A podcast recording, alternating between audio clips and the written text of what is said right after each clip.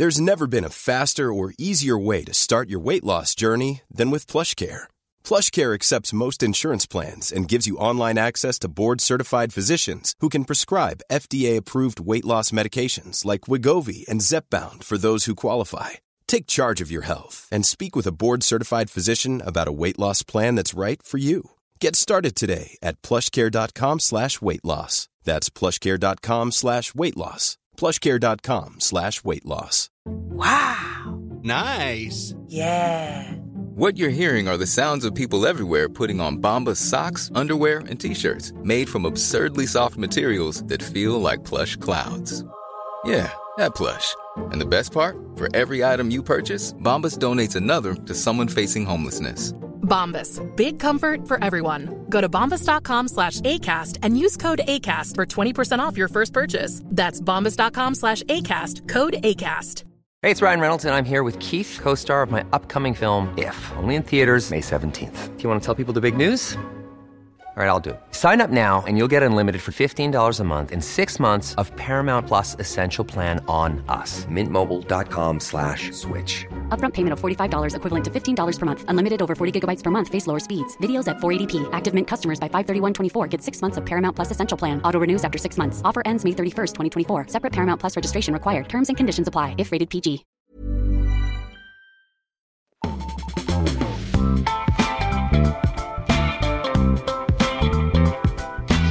God morgon! Ni Morgon, lyssnar på oss i nyhetsshowen. Jajamän. Live från GP-huset denna tisdag den 28 november. Det är ju... Ja, det går så fort. Snart är det december. Jag får panik. Varmt, varmt välkommen till dig Andreas Jonsson. Tillbaka tack, till vikariestolen. Ja, in i värmen igen här. Ja, verkligen. Hur länge sedan var det sist? Oj. Det var, eh, sluta var- svåra, fråga så svåra Vet faktiskt inte.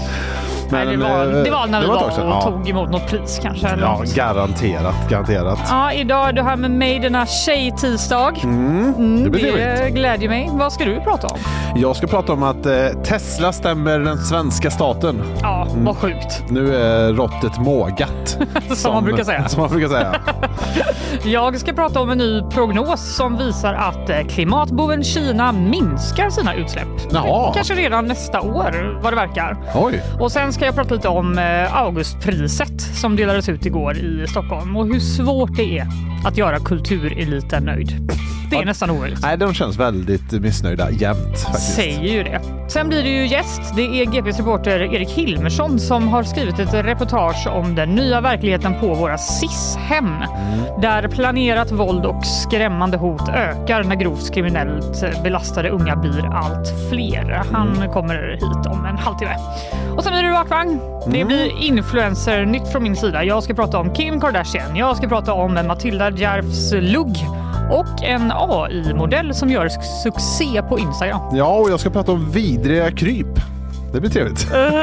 och lite pojkbandsnytt, så det blir högt och lågt. Ja, det låter ju bara högt tycker jag. bara underbart.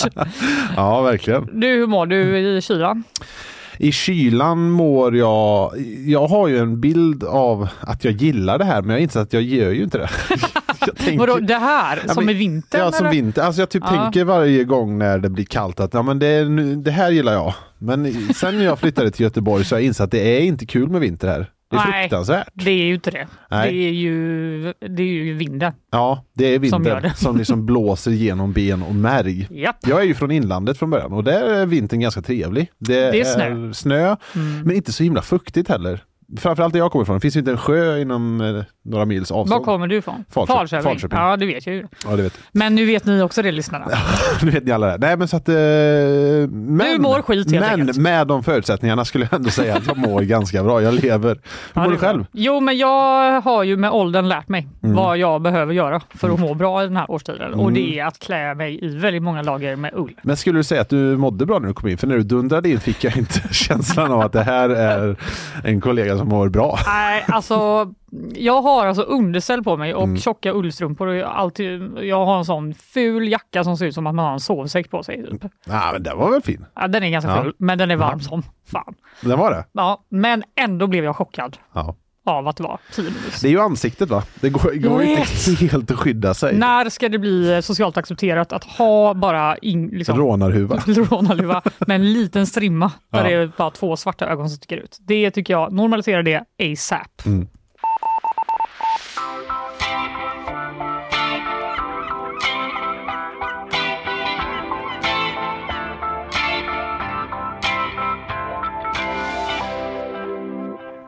Okej, ny Mm. prognos just dropped. Det är, den handlar alltså om eh, klimatboven Kina.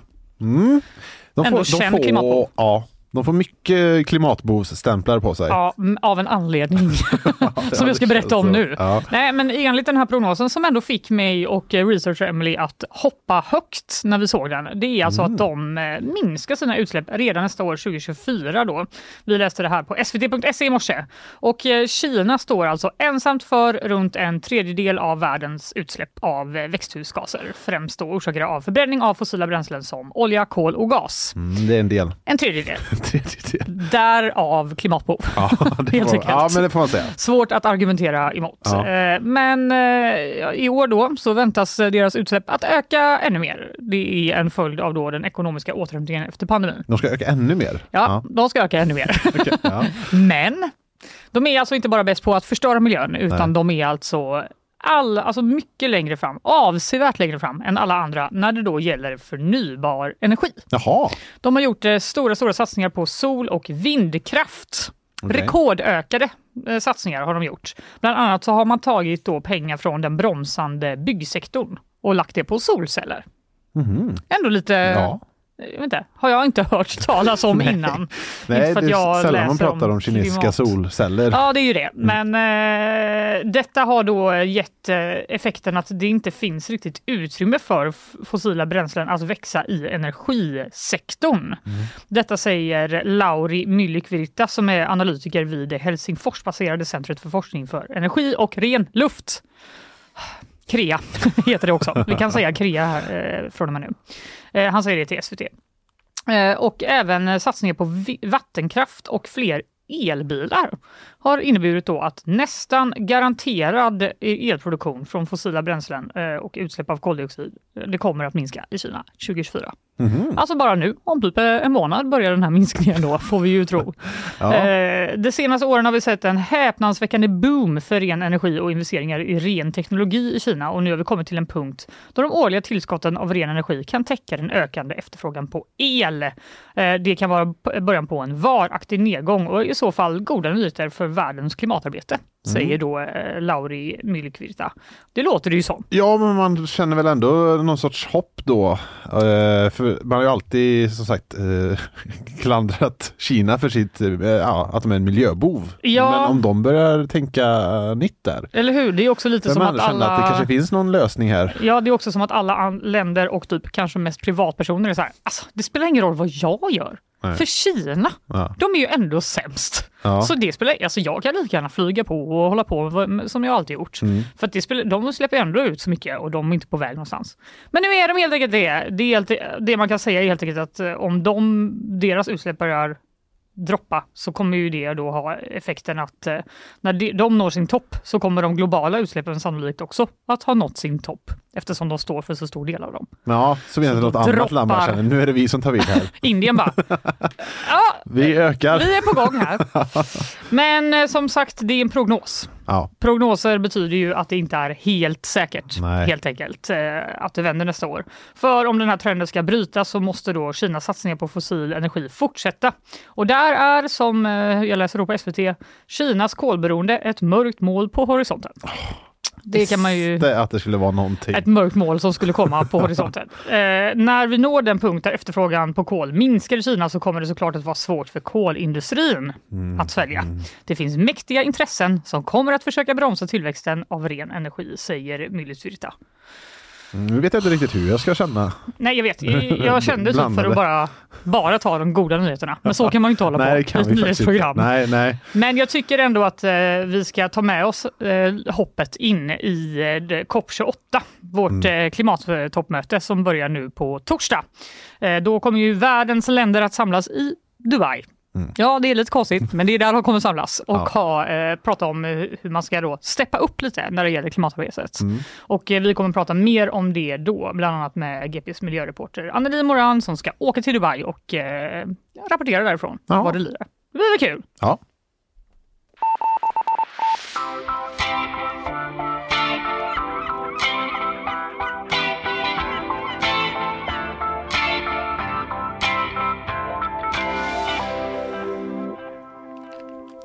Tesla stämmer den svenska staten. Jag såg ju pusharna igår. Mm. Tänkte, va? kan man göra så? Tänkte jag. Ja, men tydligen The nerve! det. Ja, the nerve. Det är, Från Tesla. Det är, de, eh, de är förbannade Ja. kan man säga. Mm. Elon Musk och company. Eh, Vi ska väl ta en liten recap. Det har, ju- Alltså, jag tror det. Ja, det har gått jäkligt fort. Ja, visst har det det. Eh, Det var typ för några, inte så länge sedan som min kollega eh, på sporten då, där jag annars jobbar, Mm. gav mig en liten recap eh, och berättade vad det var som på, var på gång och jag bara, åh herregud. Vilken trevlig kollega. Du Nej, men han sa det. liksom att det här är ju, han- gick verkligen igång på det här och då hade jag, just då för några veckor sedan hade jag kanske inte riktigt kommit in i vad det var som på, var på väg att ske. Nej. Men det har ju blivit ett jäkla bråk här Mm. kan man ju säga. Och det är, allting eh, har ju dragits igång utav IF Metall egentligen. Det var de som startade den här så kallade balunsen. Det var de som Eh, började. De började i eh, slutet av oktober och det hela grundar sig ju då i att Tesla vägrar att teckna ett kollektivavtal Mm. för eh, sina eh, anställda, vilket då har fått IF Metall att sätta ner foten och strejka på eh, Teslas svenska serviceställen och verkstäder. Just det. Mm, och Tes, eh, IF Metall är ju ändå ett av Sveriges mer eh, starka fackförbund. Mm. Så när de börjar bråka då, eh, då Då märks det. Ja, men då, då, då smäller det. Ja. Eh, och detta har då dragit igång en snöbollseffekt där flera andra eh, LO-förbund har helt enkelt valt att sluta upp och visa sympati. Eh, Mm. Vilket nog inte Tesla eh, riktigt räknade med. Bland annat har då Transport vägrat att lasta av elbilarna från hamnen. Det kanske du känner igen, det var för Mm, några veckor det. sedan där. Där bland annat de sa att eh, det här påverkar inte hamnen särskilt mycket. Men förhoppningsvis innebär det mer problem för Tesla, sa Mikael Gustafsson, Transports ombud för hamnar i södra och västra Sverige. Så allting handlar om, liksom, nu ska vi sätta käpparna i det här Tesla-hjulet. Så jävla gött citat va? Förhoppningsvis så blir det jävligt jobbigt för dem i alla fall. Men, Ja, eh, ja, men det, är- det, är- det är någonting uppiggande med att eh, de svenska fackförbunden, alla bara beslutat sig för, framförallt inom då LO, har bara, nu ska vi vara en riktigt jobbig nagel i ögat Mm. där på Tesla. Eh, och sen dess har då den här konflikten fortsatt då och i ena hörnan har du då en asrik person, Elon Musk, eh, som hatar kollektivavtal. Nej, jag vet inte vad han hatar, men han gillar dem i alla fall inte. nej, han verkar väl vara så här, vad är det ens? vad är, vad, Finns det här? varför ska jag ha det? Jag såg att han också hade twittrat typ Sweden is a sick country. Mm, ja. Man bara, ja, Och det får stå för honom. Ja, det får det verkligen göra. Det kan inte jag skriva under på. nej. Och i andra hörnan har vi då de svenska fackföreningarna och eh, Postnord har på något sätt också dragits in i det här. Mm. Eh, de har kommit med på ett hörn eh, vare sig de vill eller inte. De De, är lite bakbundna i det här. Ja. För det är ju nämligen så att eh, Postnord kan inte leverera några registreringsplåtar till nya Tesla-bilar. Eh, och detta är då på grund av att eh, fackförbundet Seko har slutit upp bakom IF Metall och startat en blockad mot utdelning och utlämning av och avhämtning av eh, försändelser, brev, paket och pall som görs av Postnord och Citymail till Teslas anläggningar. Därmed kan alltså inte Tesla ta, emot nå- eller, eh, ta emot någon post då. Så det är inte Postnord som har gått ut och gjort? Nej, det är inte Postnord utan det är eh, precis, det är eh, fackförbundet ST som har Transportstyrelsen bland Mm. annat då.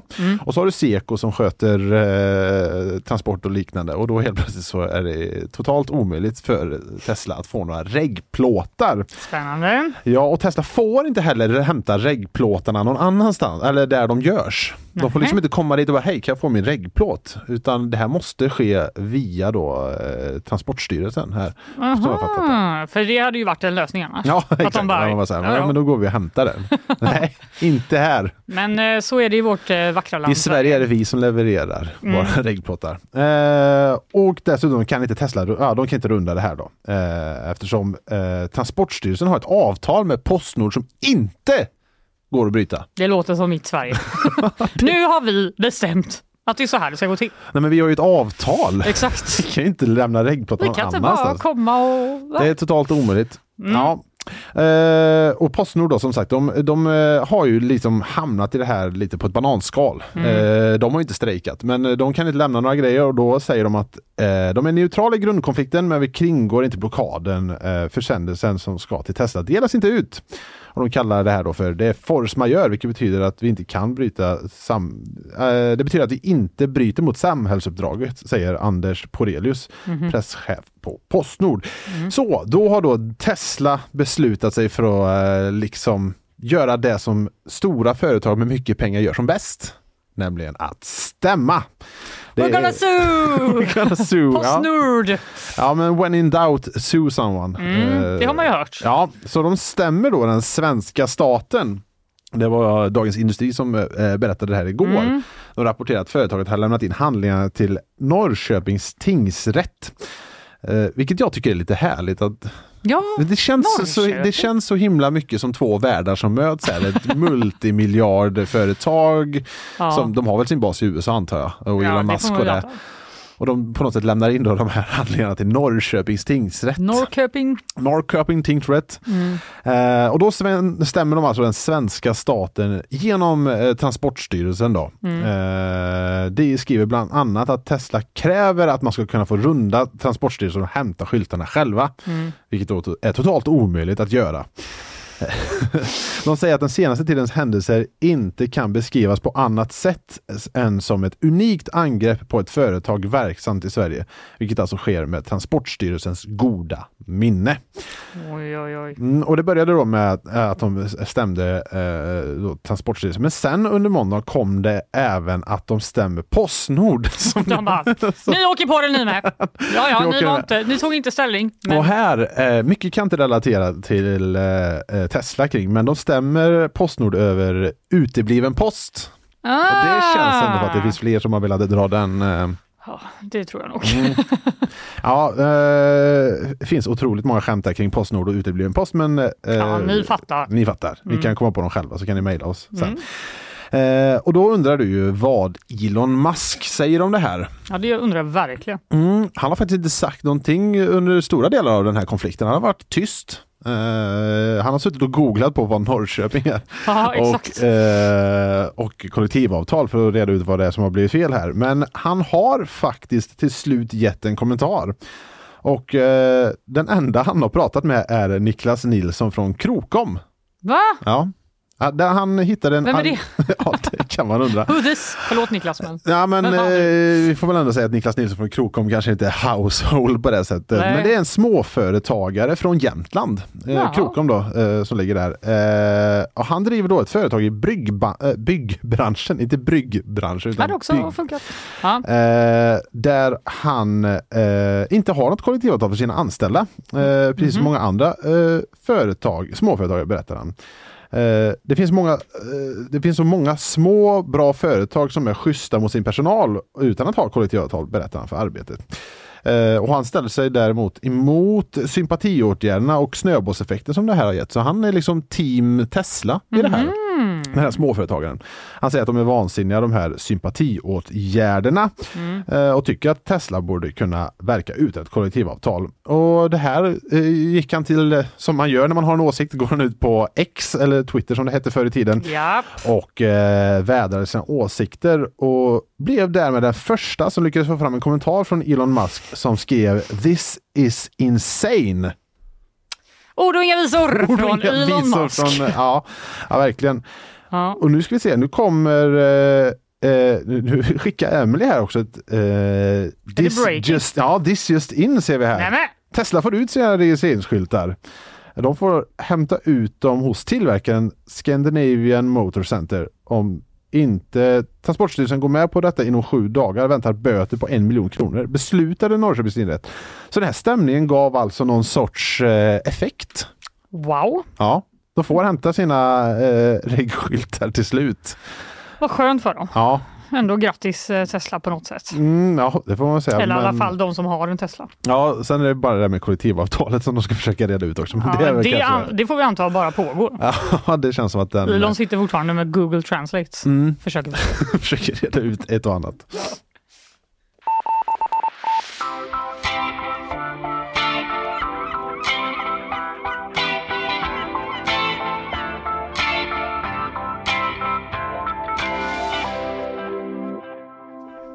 Vi har ju eh, ytterligare en vikarie på vikariestolen nummer två. Oj, det här, vänta lite, jag ska hjälpa henne lite. Ja, det är lite eh, strul här. Ja, lite, men det, det får det vara. det ska inte vara enkelt för Elin Georgsson att ta sig upp och läsa nyheterna utan eh, Smyger in här, här för tidigt också. ja, men det är bara trevligt, sitta och lyssna lite. Nu ska vi se om vi lyckas eh, få fram rätt här. Ah, du ska ju eh, ge oss lite nyhetsuppdateringar. Ja. Vill du stå Stämmer. upp? Eller vill du sitta Eh, ner? att kanske Det här är bra radio. När jag sa a- artig. Ska vi inte få lite sponsorer kanske? Eller? Nej? Eh, nej, vi ska Nej. bara få, eh, Det ska vi inte få. dig.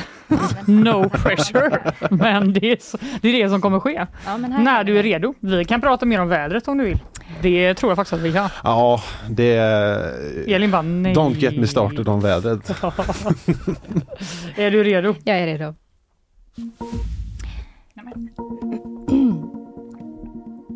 Fler personer som Hamas kidnappade vid attacken i Israel kan komma att släppas idag, uppger israeliska medier, rapporterar TT.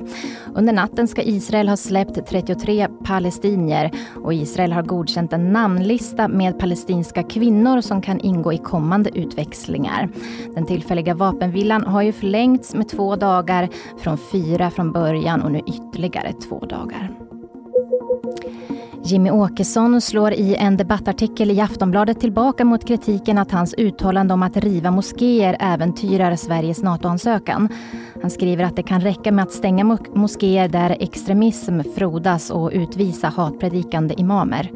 Flera partiledare har sedan helgen kommenterat uttalandet av Sverigedemokraternas partiledare, bland annat statsminister Ulf, Ulf Kristersson som beskrivit det som respektlöst och polariserande.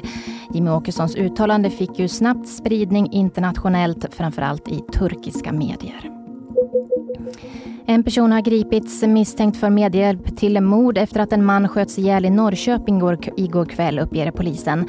Flera personer har hämtats in till förhör under natten och en förundersökning om mord har inletts. Ett flertal tåg har ställts in i morgontrafiken här på västkusten. Det handlar om ett kontaktledningsfel på sträckan Göteborg-Halmstad och det är enkelspår mellan Lindome och Mölndal vilket gör att trafiken behöver begränsas och, och tågtrafiken alltså påverkas kraftigt. Prognosen för det här är, är ännu oklar. Jag ska säga att jag uppdaterar vår artikel på gp.se om det här hela tiden för att se om det har eh, lösts. Nu ska vi se. Jo, men felet verkar ha faktiskt nu blivit avhjälpt eh, nu. men det news. blir ju säkert en hel del följdförseningar. Det kan man väl tro. Är det här mest eh, Det bara händer och breaking händer. newsiga nyhetsshowen någonsin? Vi får väl se. Vi ska ju låna Erik Hilmesson från Breaking-desken sen. Ja, Han så fan kommer som gäst. riktigt. Jag ser dock att det här som jag kallar för breaking news med registreringsskyltarna kom kanske under gårdagens eftermiddag och kväll. Ja, det är en stretch när det gäller breaking eh, Ja, news. ja.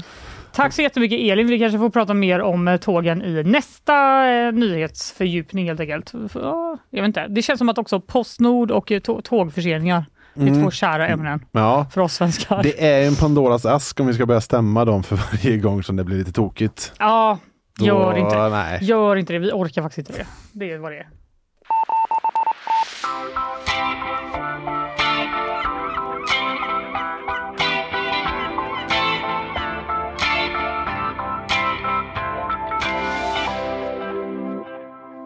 Igår var det gala. Mm. Mm, vi snackar om eh, Augustpriset. Just det. Sveriges eh, ändå främsta litterära pris, förutom Mm. Nobelpriset i litteratur.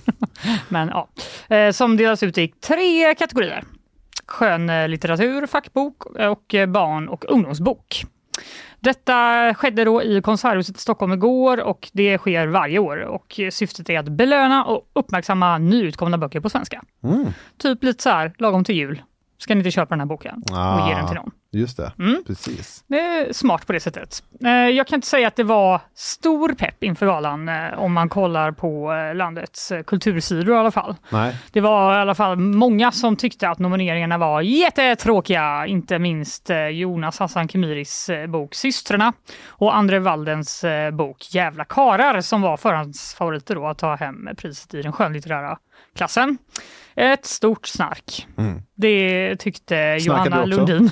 Nej, det gör jag inte.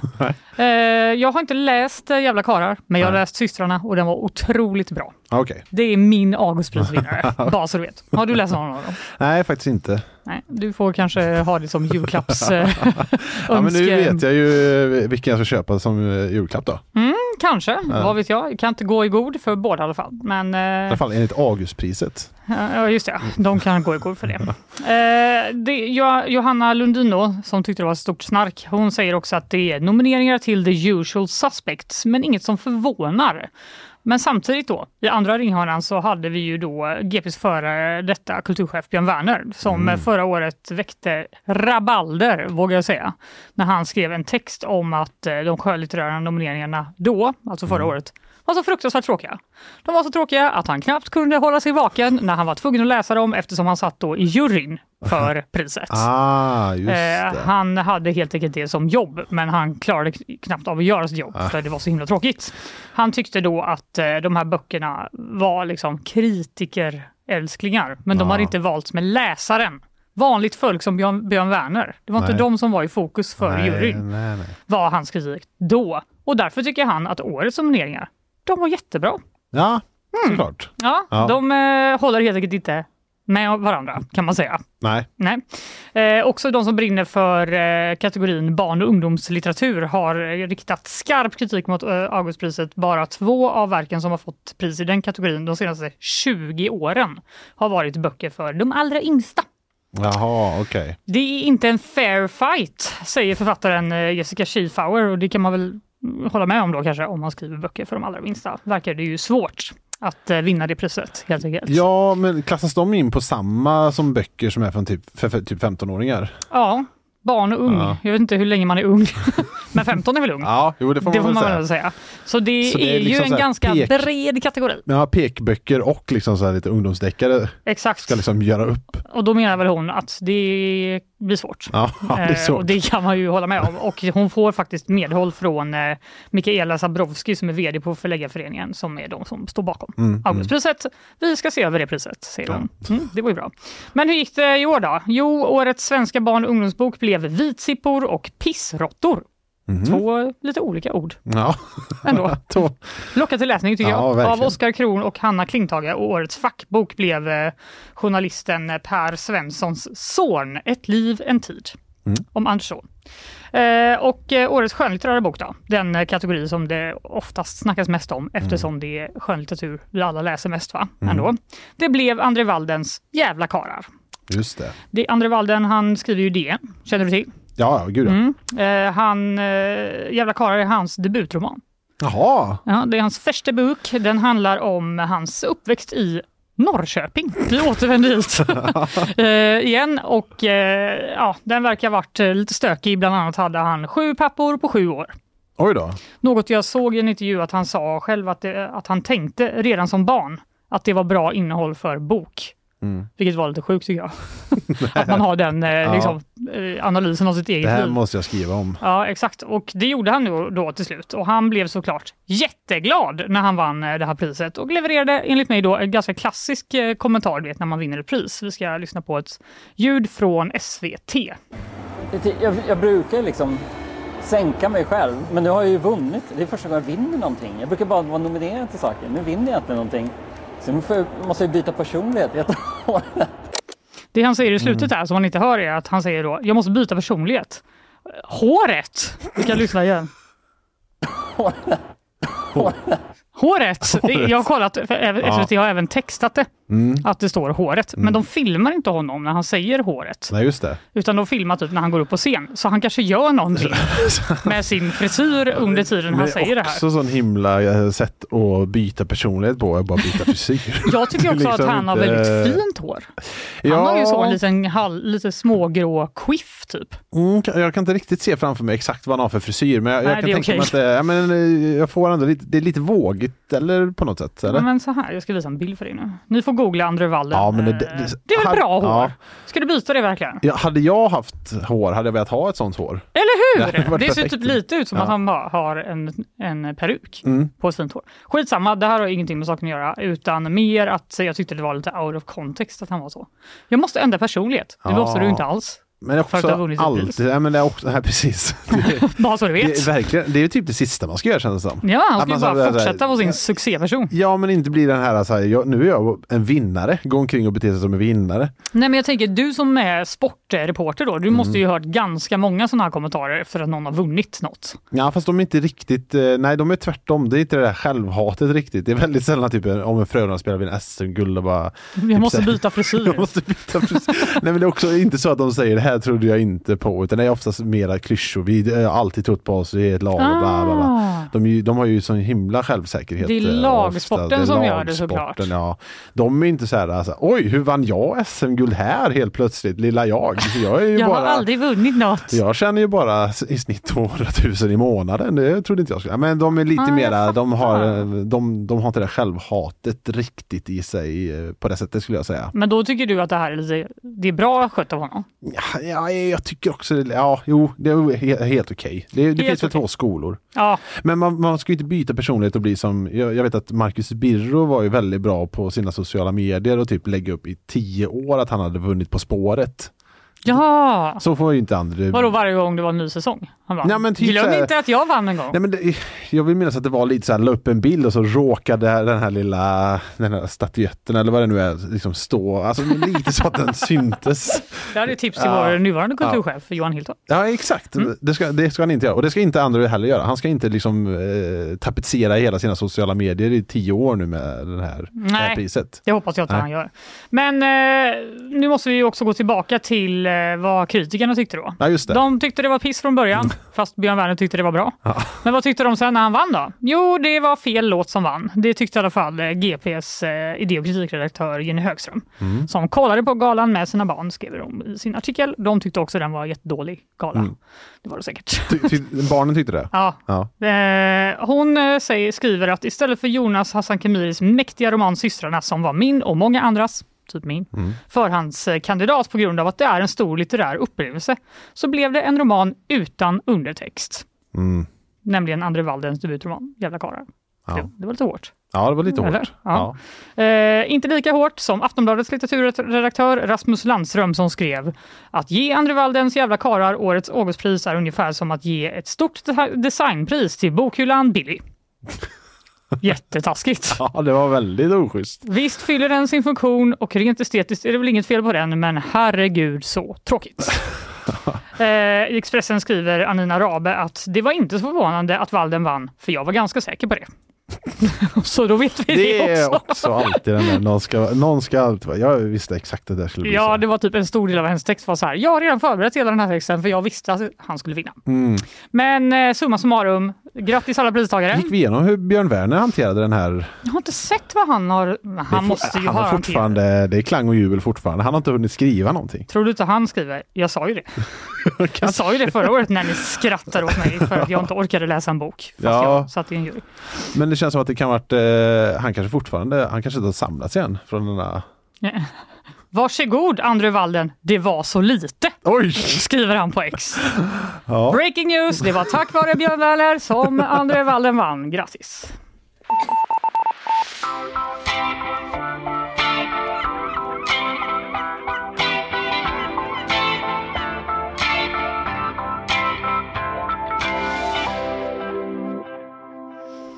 Nu får vi snart gäst. Vår eh, vän och kollega Erik Hilmersson. Jag ser att han har lämnat sin plats Ja, vid han skrivbordet. vankade av och an där av och borta. an, ja, men då tycker jag vi släpper in Ja, Vi lägger oss på jingeln så länge.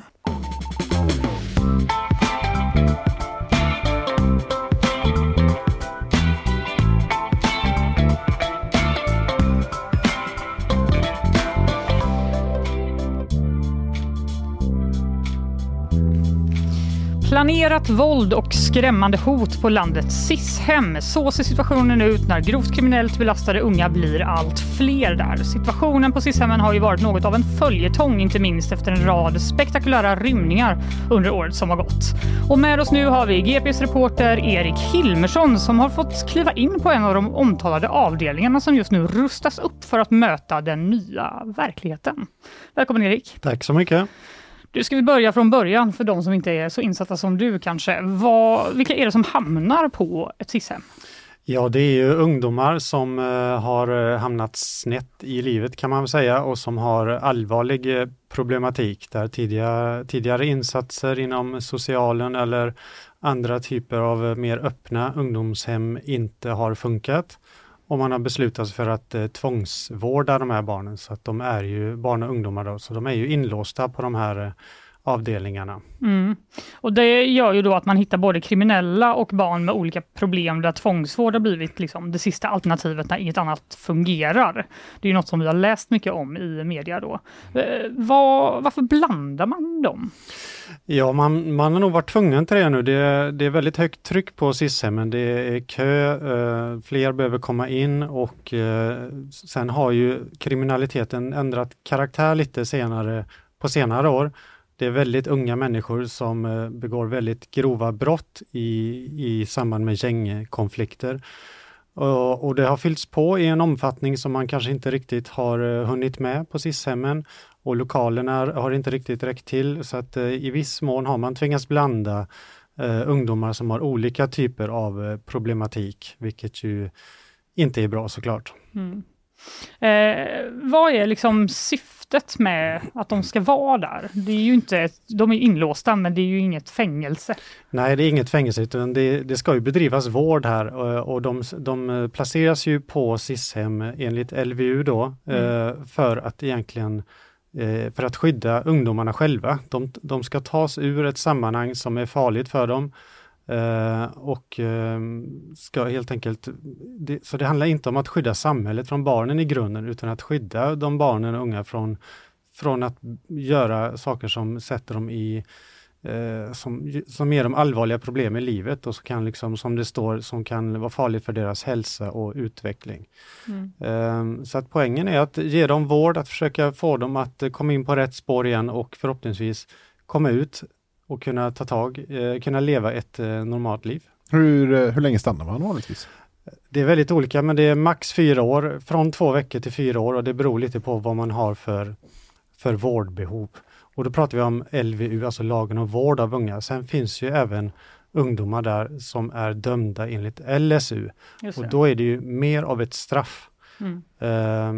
Så, som ett fängelsestraff för unga kan man säga. Men även där är ju syftet att de framförallt ska vårdas. Men är det är tidsbestämt då, det straffet? Ja, det, ja precis. Det är tidsbestämt det straffet. Mm. Men det är också max fyra år. Just det. Eh, du har ju skrivit ett eh, långt reportage om detta som finns eh, på g.se nu mm. och du har ju då besökt eh, Fagared som är ett SIS-hem i Lindome som ju blev väldigt omskrivet i höstas efter att tre pojkar rymde därifrån under upploppsliknande former. Mm. Hur Kan du ta oss med in där? Hur ser det ut där? Är det som ett fängelse?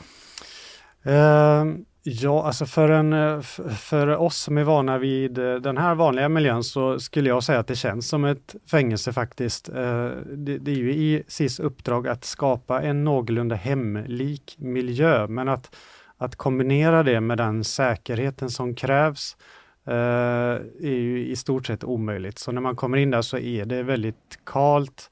De har små rum med väldigt lite inredning, allting är ju anpassat för att det inte ska gå att eh, bryta loss och använda som vapen. Och det är liksom det säkerhetsdörrar som är låsta. Det finns en liten rastgård med höga staket runt omkring. Så för en för en vanlig person som oss som kommer in där så skulle jag säga att det känns ganska fängelselikt. Låter inte jättemycket som hemma om man ska vara helt ärlig. Nej, Nej, det är verkligen inte det. Det finns ju bilder på de här eh, rummen också på mm. Eh, ditt reportage. Mm. Eh, har man ändrat något där efter att de här pojkarna rymde? Ja, det pågår hela tiden och det pågår på alla SIS-hem i hela Sverige just nu att man rustar upp säkerheten man en, försöker anpassa alla inventarier så ingenting ska kunna gå liksom egentligen att bryta loss. Mm. Vilket ju skedde vid den här rymningen då, så rev man ju loss ett handfat och slog sig ut genom en dörr.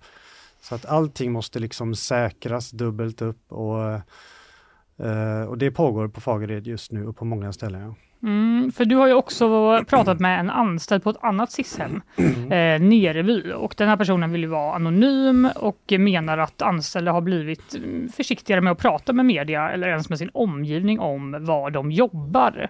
Varför då? Eh, Ja, men han menar att det är en annan hotbild idag, mycket på grund av de, de gängkonflikter som vi har läst om, som ju framförallt har varit kring Stockholm, Uppsala området eh, och där man använt väldigt unga människor. Mm. Och de här unga människorna, eh, när de sedan placeras på SIS-hem så hamnar de på hem över hela Sverige, så att de är ju också här i Göteborg då. Mm. Ehm, och just den, de lever i en väldigt våldsam, hotfull miljö och det följer liksom med in på SIS-hemmen. Och som han säger, idag om man blir hotad av en ung kille, kanske 14, så finns det ett annat, liksom, eh, det finns en annan styrka bakom de hoten, för vi har, vi har ju sett vad de är kapabla till, de här gängen. Just det. Så eh, alltså den här personalen som du intervjuar pratar om att det är liksom ett annat klimat och ett annat våldskapital. Det är det som den personen syftar på då, att det finns eh, gäng bakom. Alltså inte just den specifika eh, ungdomen. Nej, precis. De är ju ett sammanhang där de tillhör gäng och där man inte har dragit sig för att använda väldigt grovt våld. Och även de unga själva som är på SIS-hemmen har i vissa fall gjort väldigt grova brott. Mm. Hur, hur påverkar det här verksamheten då? Att det blir så? Ja, hur påverkar det? Alltså vi, vi, vi har ju med i artikeln här ett utdrag ur de incidentrapporter som de själva gör här, där man kan se mm, olika typer av incidenter som har med våld eller hot att göra och det är ju väldigt, väldigt mycket. För en utomstående är det Mm. nästan, eh, känns det orimligt att de jobbar i en sån arbetsmiljö där det nästan varje dag händer någonting som är våldsamt eller hotfullt så att säga. Mm. Så att det är klart att det är en väldigt tuff arbetsmiljö för de anställda eh, och eh, även för, för barnen och ungdomarna som, som är där. Kan man säga någonting om hur många de som sitter på SIS-hemmen, hur många som är gängkriminella eller har begått grova brott? Jag har inte riktigt siffror på det. Eh, Det det vi vet är att det har ökat väldigt mycket, framförallt senaste året. Och han som jag pratade med på Nerebys hem som ju finns i ursäkta, i Kungälv och i Bergsjön, han sa att eh, drygt hälften av de intagna på de låsta avdelningarna där Mhm. tillhör någon form av gängfalang. Ja, det är ju ganska stor Ja. del ändå får man ju Mm. säga. Men är de, helt, är de tagna på sängen av den här situationen? Eller, eh, alltså, finns det någon Ja. strategi? Eh, jag, skulle nog svara ja på båda frågorna där. De är nog lite tagna på sängen, det säger de själva, att eh, de menar att hela samhället är ju lite taget på sängen över den utvecklingen Mm. som har varit. Och det gäller även SIS-hemmen då som, som behöver eh, framförallt kanske då rusta upp sina lokaler. Det är ju liksom gamla kursgårdar och grejer från början som, som sedan har byggts på med säkerhet eh, men som i många fall är alldeles för långt efter. Så att de rent resursmässigt har inte hängt med där i utvecklingen. Eh, nu pratar vi mycket om eh, hot och våld mot personalen, Mm. men man kan ju också tänka sig att det är en ganska hemsk situation för de unga som eh, sitter där, att vara i en sån miljö, inte minst då de som inte är kriminella. Eh, vi, vad vet man om det? Nej, men man vet ju att det sker rekryteringar inne på SIS-hem och eh, det, det finns ju även sådana som har eh, helt annan problematik det, eh, i grunden. Det kan vara funktionssättningar eller Mm. autism och grejer som kan bli lätta offer då för gängkriminella som vill rekrytera. Så att det, det har blivit en hårdare miljö för alla såklart. Mm. Och när säkerheten stärks så blir det också Ja, då blir det också tuffare. Det blir mer låst och mer, eh, vad ska man säga, fängelselikt helt enkelt. Så att det, det är klart det är jättetufft för, för de här unga ungdomarna som sitter där. Mm. Det har ju varit en eh, rad uppmärksammade rymningar också från SIS-hemmen ju. Ja. Eh, och det har blivit en del kritik. Varför är, är det så lätt att, att, att rymma från hemmen? Vad det verkar. Ja, alltså det finns ju olika säkerhetsklassningar då och idag så är det helt enkelt för få avdelningar som har eh, tillräckligt hög säkerhetsklassning. Så det är på många ställen där det saknas till exempel så kallat skalskydd då, att man har höga staket runt hela Eh, och, och, där de rymde från Fagared, där fanns liksom inget staket utanför dörren, så då var det egentligen bara att springa ner på, till parkeringen och hoppa in i en bil där. Mm. Eh, och personalen kan inte göra särskilt mycket. Um, och sen får de, det som kanske har förändrats också, är, är att de får mer hjälp idag av, uh, av människor på utsidan, så att säga, som exempelvis också kan vara gängkriminella och som kommer och plockar upp dem helt enkelt. Mm. Eh, den här anonyma anställda som du har intervjuat mm. Eh, är ju lite så damned if you do, damned if you don't. Mm. Rymmer de så får vi skit för att vi släpper ut dem, men om vi sätter upp taggtråd runt så låser vi in barnen. Mm. Det låter ju inte som en jättebra situation för personalen heller. Nej, det är nog många som tycker det är tufft att, att hela tiden läsa om hur hur dåliga SIS-hemmen är. Det är, det är ju den slutsatsen många drar och även från politikens håll har det kommit mycket kritik. Eh, och jag menar de som jobbar där, de är ofta be behandlingspedagoger, behandlingsassistenter som vill göra gott och som vill hjälpa de unga. Mm. Eh, Medan det finns ett tryck att liksom att framförallt se till att de inte rymmer, att de är inlåsta. Så att, att kombinera de grejerna liksom är ju inte lätt. Nej. Eh, Fredrik Nilsson då, som jobbar som huvudskyddsombud på Fagared, han säger att majoriteten av de som kommer dit redan har bestämt sig för det kriminella livet och eh, att de inte ser något annat sätt att tjäna pengar på. Mm. Det hajar man ändå till lite när man läste i din text. Det ja. känns ju lite hopplöst. Ja, han menar i alla fall att de har blivit många fler de som kommer dit och som, som där han upplever att de liksom har bestämt sig och de de har väl levt en stor del av sina liv i en sån miljö där de enda förebilderna de har, de enda som är liksom framgångsrika på något sätt i deras ögon, det är de som kanske har en hög status inom något gäng och som begår brott. Så att eh, de, har, de har väl inte sett något annat helt enkelt. Mm. Det är klart det är deppigt. Det finns ju dock ett litet ljus i reportaget mm. och det ljuset är ju då två psykologer, Ellen Johansson och Ylva Orteleib som du har pratat med. De har inte alls gett upp. Eh, kan du berätta för eh, lyssnarna vad de har för utgångspunkt för de här inslagna banan för de unga? Ja, nej men det var ju hoppingivande att träffa dem. De har ju båda jobbat länge inom den här verksamheten och träffar ju de här eh, barnen och ungdomarna precis varje dag och försöker hjälpa dem och eh, de är ju de är övertygade om att eh, det går att hjälpa de här barnen, även de som har varit med om väldigt hemska saker eller kanske gjort väldigt eh, grova brott. Eh, de är ju långt från uppgivna utan eh, jobbar strategiskt och strukturerat med att eh, gå till botten med varför de här barnen har hamnat i den här problematiken och vad det finns för, för vägar ut. Mm. Ja, en av dem hade ju jobbat, var det 10 plus år i alla mm, fall, precis. och varit där under den här ökade eller under perioden när det har ökat, men mm. hon verkar inte så nedslagen för det. Nej, det har hon inte. Sen har väl de en, eh, en annan roll där såklart. Det är väl inte sin psykolog man hotar kanske, för de är ju ganska tydligt på ungdomarnas sida och det är inte de som behöver låsa dörrar eller ta ifrån någon telefoner och så. Mm. Um, men som sagt, de, de, träffar ju de här uh, barnen som har begått grova brott men, men ser absolut att det går att, att förändra och få till en bra riktning i deras liv också. Mm. Eh, regeringen vill ju faktiskt ändra på sis uppdrag och eh, sätta mm. de som har begått grova brott i ungdomsfängelser istället. Det har varit en stor politisk debatt om det i år mm. och för ett par månader sedan så kom Högsta domstolens eh, justitieråd Agneta Bäcklund fram till samma sak i en ny utredning. Mm. Är det troligt att det blir så? Ja, men det är det väl. Det ska väl beslutas i riksdagen eh, nästa år tror jag, men Kriminalvården har ju fått i uppdrag att förbereda för detta och att kunna leverera det till 2026 eh, redan. Mm. Så arbetet eh, med detta, att förbereda ungdomsfängelser, har ju, har ju dragit igång. Hur ser Sitshemmen på det här då? Är de positiva till? Alltså de jag pratar med är väl inte så positiva. De menar ju att, de, att på SIS-hemmen har man den eh, specialistkompetensen som krävs när det handlar just om att vårda ungdomar, att det är något annorlunda än, eh, än eh, vuxna så att säga intagna. Och de är väl lite rädda att den kompetensen ska gå förlorad och att det kanske mer handlar om att bara få bort dem och låsa bort nyckeln och mindre om att rehabilitera dem. Ja, det är en riktig eh, knäckfråga helt enkelt som mm. vi lär eh, följa debatten om vidare. Ja, verkligen, eh. Tusen tack för att du kom hit Erik Hilmersson och berättade om detta jobbet. Tack så mycket.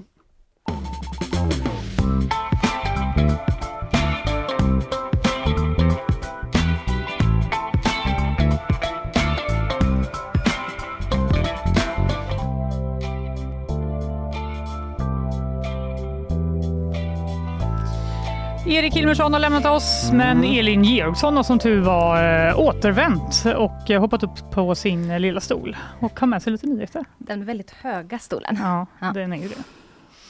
Eh, ja, eh, vad händer idag? Ja, vad händer Ja, idag? vad händer idag? Eh, Har du mer breaking news? Eh, eh, Ja, eh, NATO-ländernas utrikesministrar eh, möts ju i Bryssel. De Just sågs ju det. även igår. Mm. Eh, Och Rysslands invasion av Ukraina är ju en av de stora frågorna. Eh, Men en annan stor punkt som var planerad var ju också en välkomstceremoni eh, för Sverige. Ja. Man ser ju framför sig de här vajande flaggorna i hands, eh, halvcirkel och eh, drös handskakningar och sådär. Men så blir det ju inte. Nej. Ehm, så enligt uppgifter till Ekot då så blir det här mötet idag flera timmar kortare då för att ehm, man hade räknat med den här ceremonin. Ehm, men Flera Jaha. timmar ceremoni till och med. Det skulle vara världens baluns. Det låter ju skittråkigt. Tråkigt. Men eh, också ceremoniellt såklart. Ja, det finns jo. säkert många regler för hur en sån ska se ut. ja, och kanske även för hur den här planeringen, tänker jag, när man sätter den då, att det verkar lite knepigt att man inte kan styra om. Det måste finnas någonting annat man kan prata om än att skära ner. Om man nu ändå har sett där. Eh, också att det har funnits en del eh, indikationer på att vi inte kommer komma med ganska länge kan man ju tycka. De kanske gjorde, borde gjort en plan B. Ja. Men okej, då får de Mm. eh, rast eh, alla politikerna under den här... Håltimma. Ja, hålltimme. Mm, Ja, det låter trevligt. Mm. Ja. Ja, och sen så har vi då om en guldskatt eh, bestående av bland annat brons, svärd och ädelstenar eh, som ska ha fa- som fastnat på ett museum i, i Nederländerna som nu då återlämnats till Ukraina. Mhm. Eh, föremålen lånades ut från museer på Krim eh, till en utställning då i Holland. Eh, och den här utställningen öppnade en månad innan, eh, eller före då Rysslands illegala annektering 2014. Så vi pratar alltså om nästan tio år sedan. Då. Mhm. Eh, Och sedan dess har då både museerna på Krim, men även Ukrainas regering eh, krävt att få tillbaka de här eh, föremålen. Så det har liksom varit en konflikt där. Eh, men nu då så eh, i somras då så beslutade Högsta domstolen i Nederländerna att föremålen är en del av Ukrainas kulturarv och hör hemma där då. Eh, och jag har en eh, ett par bilder här då, vad det, vad det handlar om för föremål. De ser ut så här. Oj, det är verkligen är eh, old school få guld. med i Ja, men vill inte det här museet ge tillbaka det eller, eller varför ville varför fastnade det? Ja men det var väl liksom en konflikt där då både Krim och även eh, Ukraina då regeringen där liksom man ville båda ville ha det så de visste inte riktigt hur de skulle Ah, göra ja, då kanske det. för att Reda ut detta. Ja, lite Ah, just diplomatiskt i det här. Precis. Så, um, och den här, det vi såg då var en halsprydnad i guld från 200-talet. Oj, Och en slags hjälm i massiv guld som är från 400-talet före Kristus. Det låter som ändå eh, något man vill ha i sin ägo.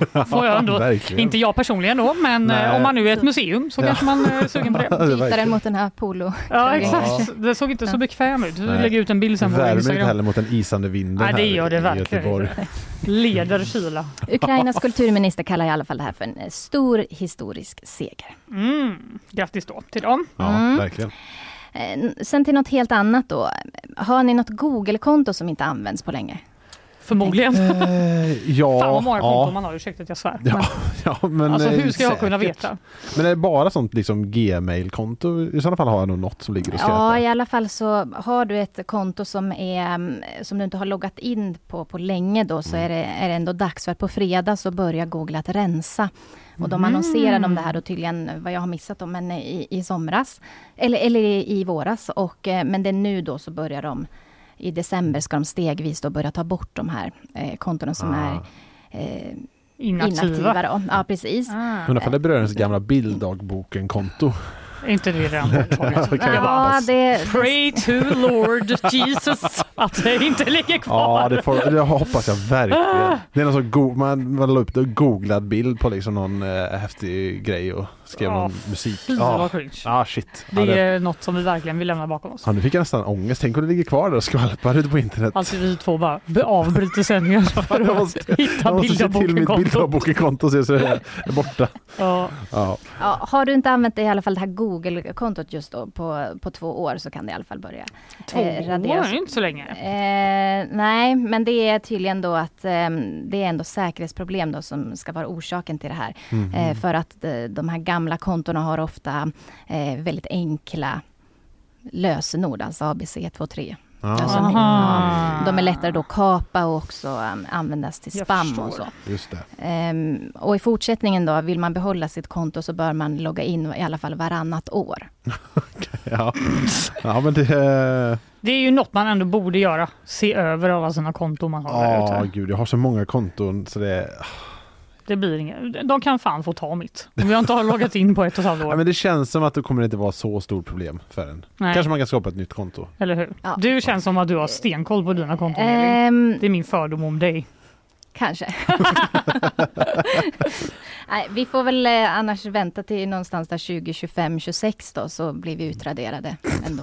Ja, Ja. Från jordens yta. jag hoppas jag inte.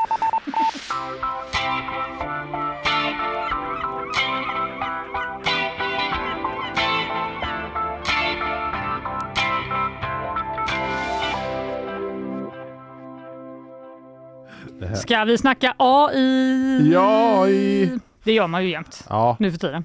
Nej, men vi ska prata om en AI-modell. Vi har ju kollat på bilder på henne. Det finns på g.se om man vill göra detta live Mm. and direct. Hon är faktiskt råsnygg om jag får säga det själv. ja. ja det Hon får ser- du faktiskt göra. Ja, och eh, jag får ju verkligen göra det eftersom hon inte ens finns. Ja, exakt. Eh, det, det, ja, Eller? Kan man, Man kan väl- objektifiera AI? Jag antar det. Det är det vi kommer få försöka göra just nu. Nej, men det här handlar då om AI-modellen eh, Aitana. Mm. Aitana som gör succé Okej. på Instagram.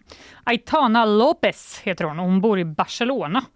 Eh, och hon älskar videospel, träning och tjäna pengar som influencer. Ja, Låter väl som en eh, reko tjej. Ja. I verkligen. Men eh, till skillnad från Bianca Ingrosso och Kim Kardashian så finns hon inte i verkligheten. Hon är Spaniens första AI-modell. Ah. Eh, hon har skrivit här lite, uppdaterat på sina sociala medier. Jag vill tacka er för all er kärlek som jag får. Nej, för all kärlek som jag får. Ni gör mig glad. Skriver eh, Aitiana som är 25 år då i eh, en Instagram story med en bild där hon håller i en smoothie. Såklart. Snark. De har tänkt på allt. De har verkligen bara Ja. eh, tagit alla sina Men är fördomar. smoothie verkligen... Eh, Det känns lite gammalt ja, eller? det känns som det. Min morsa gillade smoothies för typ fem år sedan. Nu är det sådana Så menar, hon kan ju inte varit... Men nu är det sådana Först. bowls och sånt med Ja. olika acai, alltså så typ konstiga, matcha. Mm. Matcha latte. Ja, det det, håller de är det som är med. grönt va? Exakt, Ja. det ser ut att smaka riktigt illa. Ja, det, det Men, blir jag inte eh, sugen på eller hur? det här om dagen. Nej. Med sitt rosa hår och sin intensiva blick har Aitiana lyckats skapa sig en stor följeskara på Instagram på några månader läser jag på g.se då. Och eh, hon beskriver sig också som en gamer i sin profil. En gamer som gillar träning. En tjej som inte finns. Men, eh, därför Som gillar att spela. Ja, Ja. och träna. Och dricka smoothies. Men, Eh, ja. Jag vet inte fan. Men på hennes konto finns det bara närbilder på henne då, där hon alltid tittar rakt in i kameran och ofta poserar i underkläder eller badkläder. Mm. De flesta av hennes 140 000 följare på Instagram är män. ja, det kan man ge sig fan på. Att de ska, att de ska vara där också. Att de ska vara där också. De ja. hittar, de, de hittar varenda, de hittar till och med kvinnor som inte finns på Jag Instagram. vet, och men här- slänger gärna på en följning där också. Här är hon på Blink Får man 182-konsert ser se? det ut så. Hon har absolut ingen bh. Men hon har eh, merch på sig.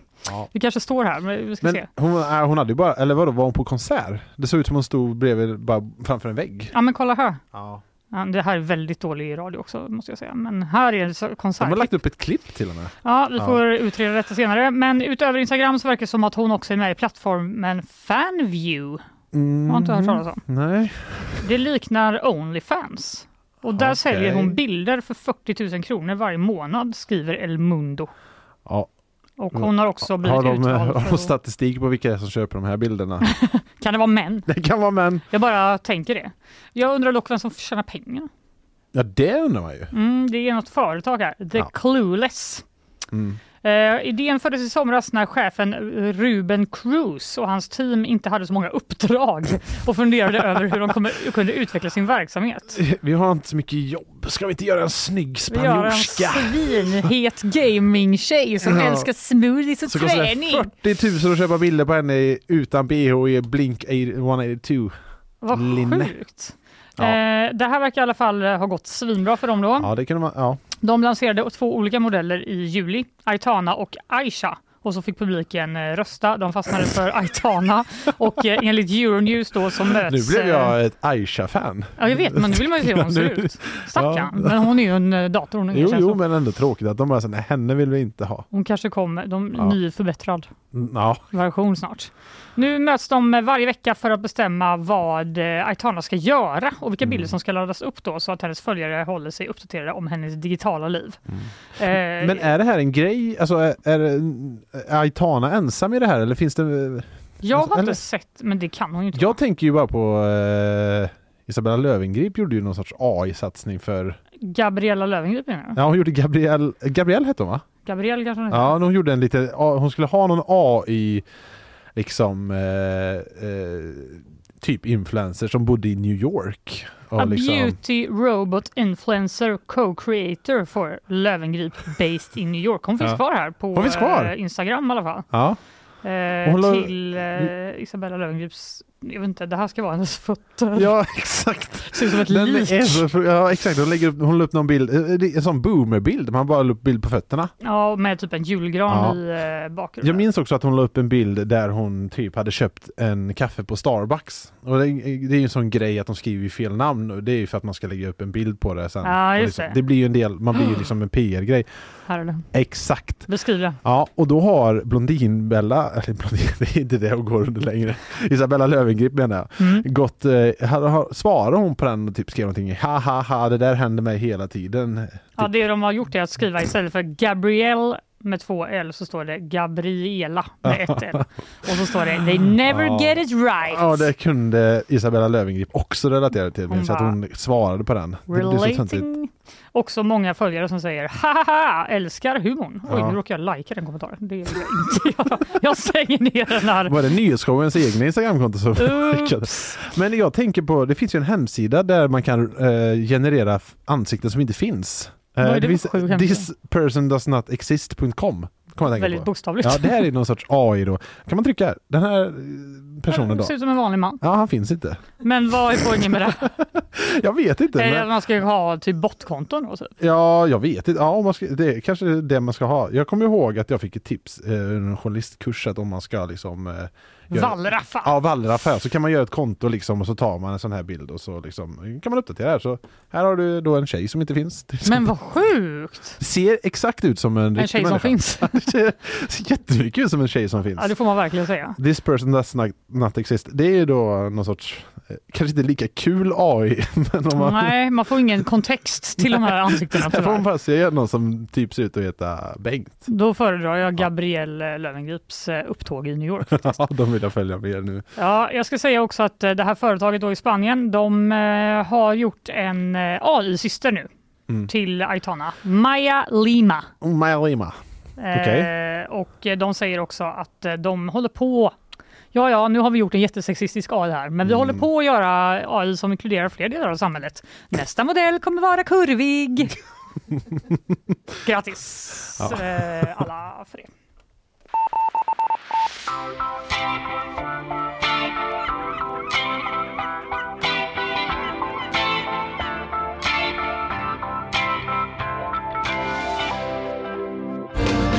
Julens julnyheter, vad är det det heter? 12 djur som lever på och i din kropp. Nej! jo, det gör de.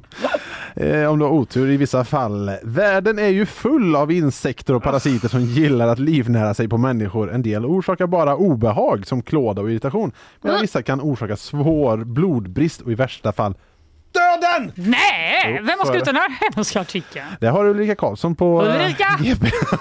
Din sjuka jävel. Nu tar vi tag i henne direkt efter den här sändningen. Och även dig som ändå lyfter upp den. Men Ja, absolut, nu får vet. du ju berätta. Det... låter ju som något man behöver veta. Ja, det, det, en del syns ju inte alls, eh, står det här. Eh, andra syns bara i förstoringsglas medan andra flyger glatt runt oss människor för att få sig en munsbit. Nej!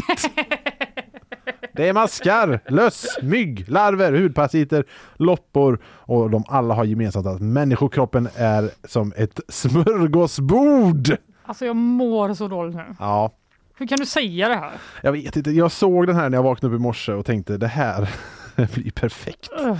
Eh, men jag går igenom den här artik- artikeln och det här är lite kul för att det finns ju ganska många, det här är liksom old news. Fl- Flatlös har man ju hört talas om. Eh, Ja, det är gammalt. Det är gammalt. sen gammalt. Det är gammal skåpmat, det vet man vad det är. Absolut. Eh, Vinnicke-mask har man ju också hört talas om, den där masken som kommer ut ur röven Äh, och är lång. äh, Fästingar, äh. ja. Det är väl det enda positiva med vintern är att man behöver inte gå omkring och ha ångest för att man ska få någon sorts hjärnhinneinflammation och borrelia. Det är en stor ångest i mitt liv. Eh, att det är vinter eller att du... att Nej, få- att uh, fästingen finns. Mm, de finns.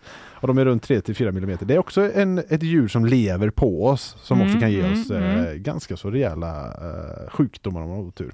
Myggor och liknande. Men så finns det ju några då eh, i den här listan som är lite värre.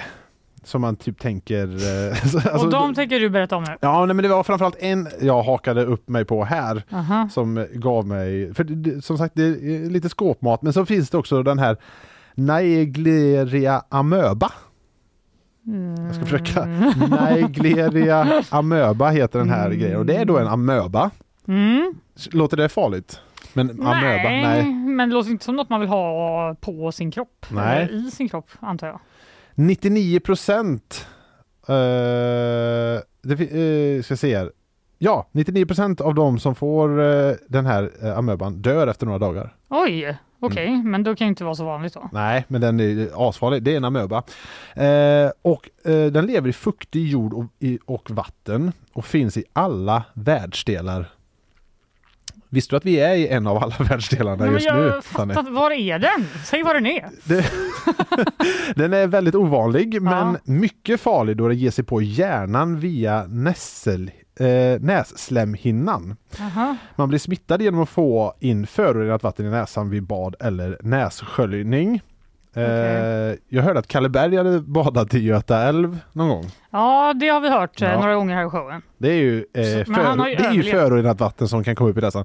Så gör inte om det. Nej, men jag vet gör inte jag det, vet inte det är ju. Men eh, det, nej, han klarade sig ju också jättebra. Ja. Amöba finns framförallt i varmt stillastående sötvatten som i insjöar och älvar. Göta älv. Haha. Eh, men personer har, blivit sjuk, eh, har även blivit sjuka i spa, varma källor och otillräckliga klorerade, eh, klorerade pooler. Den smittar inte från person till person dock. Så, har man väl, om, så om din pool har fått det så kan du bara, "Phew, det var i alla fall inte jag. Vi kan fortfarande hänga. Då är det mer att du ska inte gå på Mm. ett jätteskabbigt spa. Nej men precis. Det vill man ju inte ändå. Nej det vill man inte göra. Så det löser sig nog. Så de första symptomen är akut huvudvärk, feber, nackstelhet, illamående och kräkningar innan man hamnar i koma. Nej men gud. Det låter som en fruktansvärd bakfylla faktiskt. Eh, förra sommaren ska till det får stå för dig. Eh, det, gör det. Förra sommaren ska till exempel barn dött av den här järnätande Ja, det står det. Järnätande amöban som har badat i flod i... Den, det här barnet hade badat i en flod i Nebraska. eh, I USA då. 2014 dog en kvinna i Oslo efter att ha gjort nässköljningar i Thailand med okokt kranvatten. Detta enligt internmedicin.se.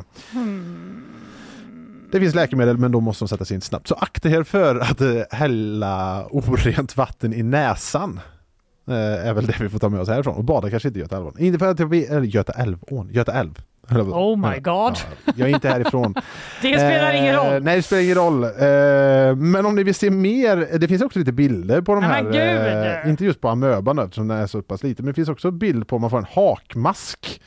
Eh, som är en 10 mm lång fullvuxen som lever i tarmen där den suger blod. Om man vill se en sån till exempel, då kan man gå in på gp.se och klicka sig in på rubriken 12 djur som lever på och i din kropp. Kan vi inte få höra den glada jingeln igen? Djurens djurnyheter Jag tror att jag vet det, det blir djurnyheter.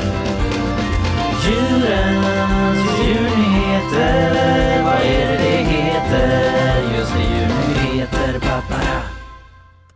nu ska vi verkligen byta ämne. Ja. Tillbaka till influencers! Woho! För jag läste på vår egen sajt. eh, Hit reser kvinnor från hela världen för att få Matilda Djerfs lugg. Oj! Och då tyckte jag att det var lite sjukt. Mm. För att eh, dit de åker är till Borås. Bara en sån sak. No Ja. offense Borås. Nej, men där har hon bra lugg, det har jag alltid sagt. Ja, det verkar inte bättre. Va? Mm. Det är en frisör som heter Amalia Berglund som har då en frisörsalong i Borås. Och, Mhm. eh, hon är helt enkelt frisören bakom influensen Matilda Djerfs eh, omtalade hår. Hon Mm. är liksom lite känd för sitt hår. Och det här är en influencer som finns. Det här är verkligen en Mm. influencer som finns. Hon har eh, 3,1 miljoner följare på Instagram och är, eh, alltså, måste vara en av våra mest framgångsrika influencers. Eh, Hon eh, har ett klädmärke och jag kan säga att eh, 2022 så drog hennes bolag in eh, 360 miljoner i vinst. Oj! Så det går eh, ganska bra Ja, kan man säga. Hon, eh, det går ingen nöd på henne och hon har dessutom jättesnyggt hår helt enkelt. Ja, det tog fan den när hon drar in så mycket pengar. Eller hur? Då är det väl det minsta man kan begära, en bra lugg. Det kan vara så att hon började med håret Mhm. och sen blev känd.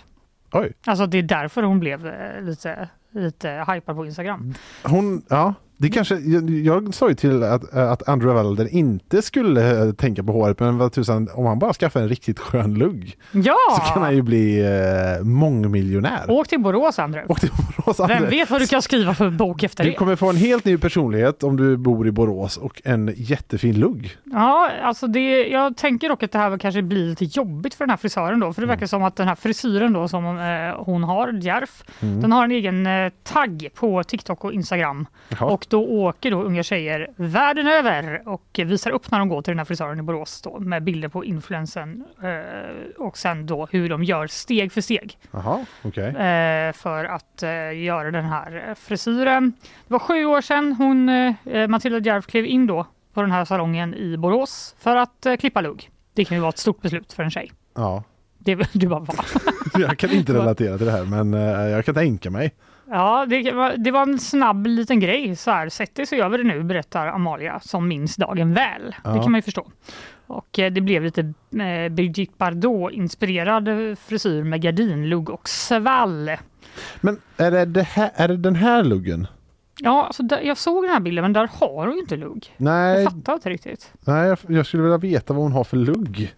Som Ja, så... eh, Gå in på hennes Instagram. Ja, det ska jag göra direkt. Eh, Amalia säger att eh, hon uppskattar att hon klipper några tusen luggar om året och att det inte går en enda dag utan att en kund kommer in och visar en bild på Matilda Djerf. Men jag menar, de behöver inte visa en bild för henne. De, hon vet ju. Ja, nu, precis. weird. Ja, jag vet att det där är Matilda Djerf. Ja, hon bara, jag är ju känd för det. Lugg. Okej, jag måste se. Jag är inne på hennes Instagram. Det är en ganska lång lugg verkar det som. Ja, okej. Folk kommer från Australien, USA och den senaste långväga kunden kom med flyg från Gran Canaria. Men stackaren åkte till Stockholm så hon fick hyra en bil och köra till Borås. Klassiker. De bara, det finns väl bara en stad i Sverige? ja. Nej, det finns två. Stockholm och Borås, bara så ni vet. eh, en annan kund fick sin pojkvän att skjutsa henne hela vägen från Danmark till Borås bara för att klippa luggen. Du vet väl att det växer ut på två veckor? Sa, säger frisören. Mm. Det var lite taskigt. Ja, det, precis. ja, ja, alltså jag, grejen är att jag är inne på hennes Instagram nu och scrollar här lite. Eh, jag tycker eh, hon har en fin frisyr. Mm. Men jag ser inget speciellt med någon sorts lugg som jag skulle tänka det här måste jag åka till Borås och skaffa. Nej, men, eh, är tjejer inte- vet Ja, skillnaden vet, på en ja. bra och en dålig lugg. Ja, Eh, det står också här att eh, Ma- Matilda Djerf numera är bosatt i Stockholm men Amalia Berglund är fortfarande hennes enda frisör. De Mm. pusslar för att få ihop det. Ibland så åker jag till Stockholm, ibland kommer hon till Borås, säger hon. hon, har ju, hon gick ju med, hennes bolag gick ju ändå med 360 miljoner i vinst sa jag. Mm. Så hon har ju råd att åka till Borås och skaffa lugg. Jag tänker så att, det. eh, Hon har säkert tid också. Tycker att frisören kan få stanna kvar. Vad skulle hända om ni bestämde er för en annan frisyr? Ja, vi har faktiskt pratat om det många gånger. Tänk om vi bara skulle sluta med det här. Men hon hade nog inte vågat det och jag hade väl fått gå i konkurs. Också, tänk om ni skulle komma överens om en ny frisyr. Alltså att frisören och hon, eh, det är inte bara liksom Järvs beslut utan det är också frisören måste också vara med. Ja, det verkar ju som det. De verkar väldigt tajta. Ja, Hon säger i alla fall att eh, gardinluggen håller i sig, så hör ni alla tjejer, det är bara att klippa sig i Borås.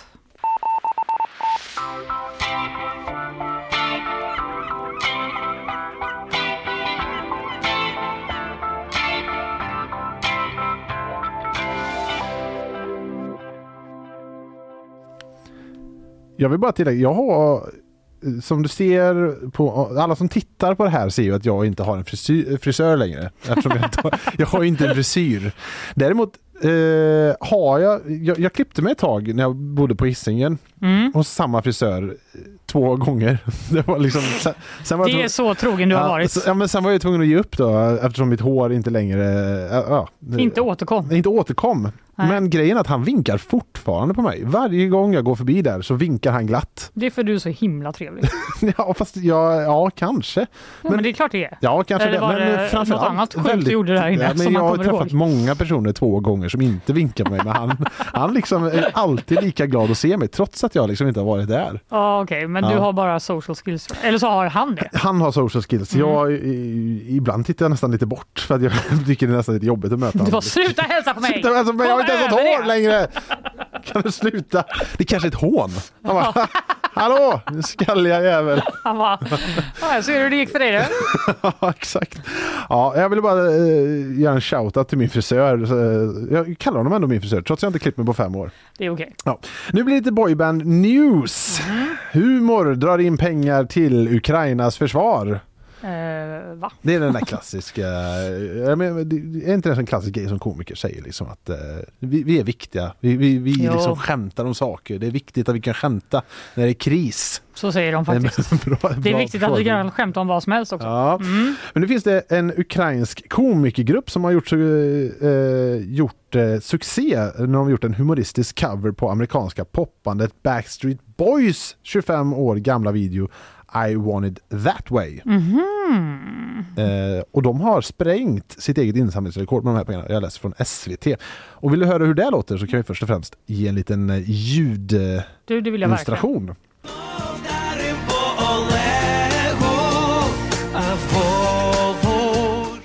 Volvo? Volvo G. Volvo G? Och den här har då fått över 5 miljoner visningar eh, för den här kom eh, ko- komedigruppen Bad Street Boys. Ja, lite slappt. Men Mm, eh, tydligt. Ja, Absolut. Mm. Men det verkar funka ändå. Eh, det här sociala mediekontot då som, eh, och det har blivit in, eh, ett klirr i den här insamlingskassan för det här eh, gänget och de har samlat på sig nästan 2 miljoner kronor på bara tre dagar genom att göra den här eh, ukrainska versionen utav eh, I want it that way. Wow! Mm, men de är inte förvånade. Nej, okej. Jag är ju svinförvånad. Ja, men det är inte de. De är precis som den där uh, kulturjournalisten som visste att Anna Waller skulle vinna. Jag Ja, visste de har- redan det. Jag visste att den här skulle bli viral, Aha. eh, sa de. Nej, men människor behöver något att skratta till.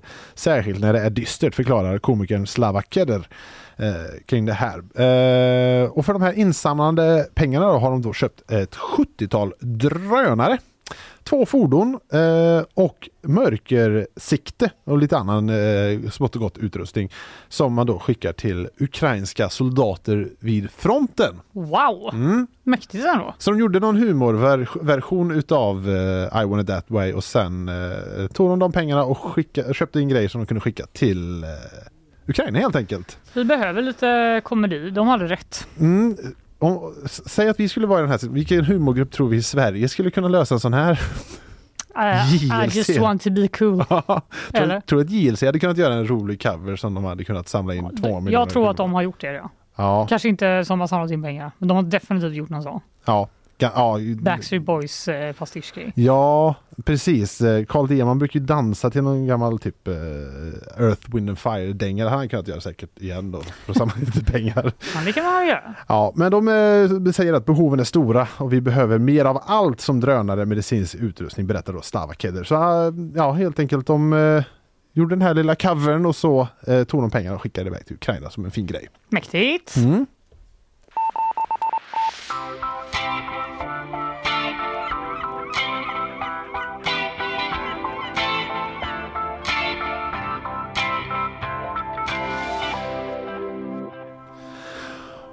På tal om. På tal om pojkband. Mm. Gillar du pojkband? Eh, alltså jag gjorde verkligen det. Men Jag gillade ju Spice Girls mer. Mm. Men eh, absolut eh, Backstreet Boys. Backstreet Boys var, var, var det de som var grejen? Det var de som var grejen. Take That var Nej. inte din grej? Nej, nej, nej, nej. Det kändes bara som B-ligan tycker jag. ja, När Backstreet Boys fanns. ja, sant. Det, Ja. det, ja, det, jag, jag köper det. Då har jag en nyhet för dig, Jaså? Fanny. Jaså? Pojkbandsshow flyttar till Rondo i Göteborg. Absolut inte. Absolut inte. Inte? Eller det gör de säkert. Ja det, ja, det gör de. Men du, du kommer inte Jag stå där in. och banka på dörren och bara släpp in mig! Sova utanför så vi får en bra plats. Boybandsnostalgin och 90-talsfebern tar inte slut. Eh, nej, Jag vet inte när den började, men den tar inte slut Den började 1999. Ja, och, Och sen har har fortsatt pågått. sedan dess. Aha. Hösten 2024 flyttar föreställningen A Show Larger Than Life från Hamburg Börs i Stockholm till Rondo i Göteborg. Wow. Mm, den 12 september är det nypremiär för showen där bland andra David Lindgren, Boris René, Erik Segerstedt och Matt- Mattias Andreasson medverkar. Jag vet inte vem någon av dem är. Nej. Jag tog en tombola med, Ja, med grabbnamn. Med sådana killar från din eh, konstiga sajt. Exakt. Ja, ja. Eh, det, Jag kanske bara inte är målgrupp. Nej, de gick in på this person does not Exakt. exist.com. De bara, ny det show, där. show just dropped. Erik Segerstedt, där, ja. Tillsammans kommer de sjunga eh, låtar av de ikoniska pojkband såsom eh, Backstreet Boys, New Kids on the Block och One Direction. Så det blir lite nyare, Oj! det är inte bara 90-tals eh, liksom, eh, grejen där. Ja, ja. Att få göra den här showen var en dröm som gick i uppfyllelse då vi hyllar den musikera som så många älskar, säger David Lindgren i ett pressutskick. A Show Larger Than Life spelats i Stockholm som sagt under hösten och för regin står veteranen Roine Söderlund. Vem är det? Det är en fråga jag inte kan svara på heller. Okej. Ja. R- R-O-I-N-E, Roine. Ja, Ja. så kan man heta. Det är högt tempo, det är nostalgi och det är något som eh, och det är något visst med fem stiliga killar med snyggt ljus, snygga kläder och snygg eh, koreografi. Nu återstår att se vilka som ska köpa biljetter, skrev tidningen QX om showen i Stockholm. Ja, det, Det, blir har de inte du då, rätt som jag tolkar Nej, det. men jag tycker det låter jättetrevligt. Ja, men det låter som en kul grej. Jag kan inte eh, säga emot det citatet. Nej, nej, nej. Jag Jag, jag, inte jag, kan tänka mig att det blir ändå ganska god stämning där. Det tror jag. Eh, Jag har ju varit på Rondo på Mamma Mia The Party. Har du? Ja, det Berätta hur det var. Det var faktiskt supertrevligt. Fick du Eh, äta typ eh, souvlaki samtidigt? Eller? Mm, exakt, det är som att man sitter på en taverna liksom och får eh, tzatziki och sånt där eh, gott. Låter Men jag, ja, och det är liksom inrätt så jag kan tänka mig, den stämningen var ju supertrevlig. Så om de når någonting sånt där och Mm. du tänkte det är bara gamla låtar som alla kan sjunga med i. Absolut. Ja, jag kan tänka mig att det blir trevligt faktiskt. Det blir eh, du och jag som drar dit Till nästa. Rondo!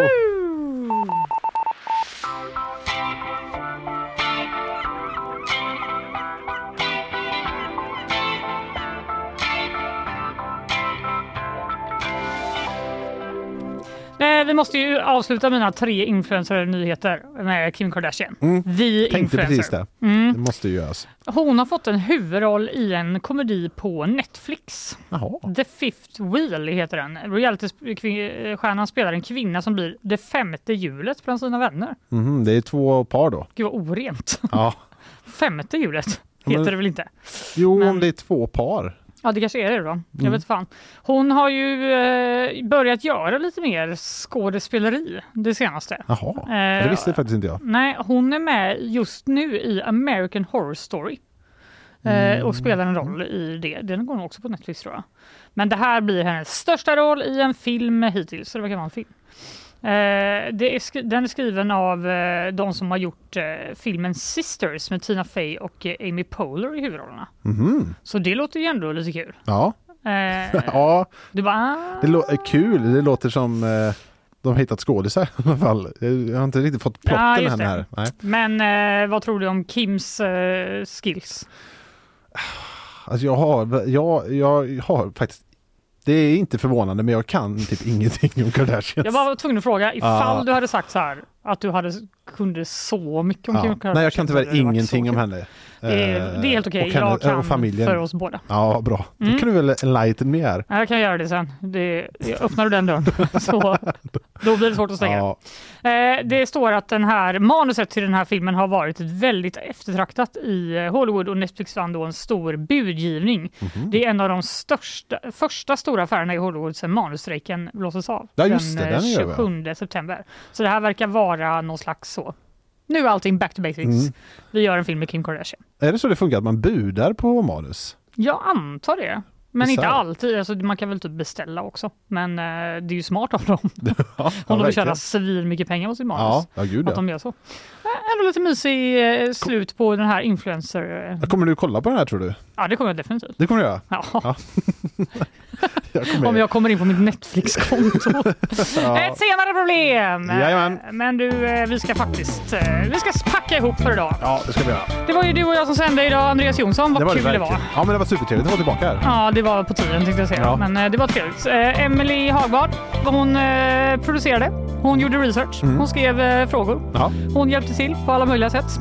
Elin Georgsson, hon gjorde nyhetssvepet. Hon gjorde nyhetssvepet ja. Ja, och så var det ju du och jag som Sen var det du och jag. Och imorgon är det en annan dag. Ja, precis. Brukar ni berätta vad ni har pratat om? Det gör ni va? Ja, vill Ja. du berätta vad du Jag pratade kan om? Berätta lite vad jag pratat om här. Det var om jag pratat om Tesla som ska stämma den svenska staten! Just det, vad sjukt. Håll i er! Eh, och de fick ju rätt nu. Det kunde vi ju breaka i sändningen. Mm. Eh, så nu får ju Tesla komma och hämta registreringsskyltarna. Eh, En god dag för dem. Det var en god dag för dem. Sen pratade vi om lite äckliga vidriga kryp på och i kroppen. Ja, det gjorde vi. Amöba. Amöbor. Ett ord som användes. Eh, Jag pratade om Kina som eh, kommer att eh, lyckas, vad det verkar, minska sina klimatutsläpp redan nästa år. Eh, Goda nyheter ändå. Och eh, sen pratade vi om Augustpriset och eh, hur svårt det är att få kultureliten nöjd. Alltid är det något som är fel. Tack för idag. Vi ses imorgon. Det gör vi.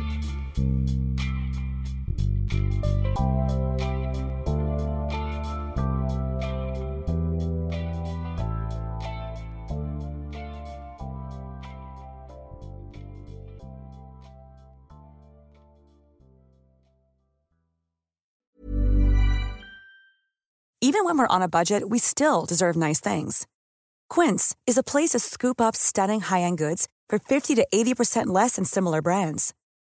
They have buttery soft cashmere sweaters starting at $50, luxurious Italian leather bags, and so much more. Plus, Quince only works with factories that use safe, ethical, and responsible manufacturing. Get the high-end goods you'll love without the high price tag with Quince. Go to quince.com slash style for free shipping and 365-day returns.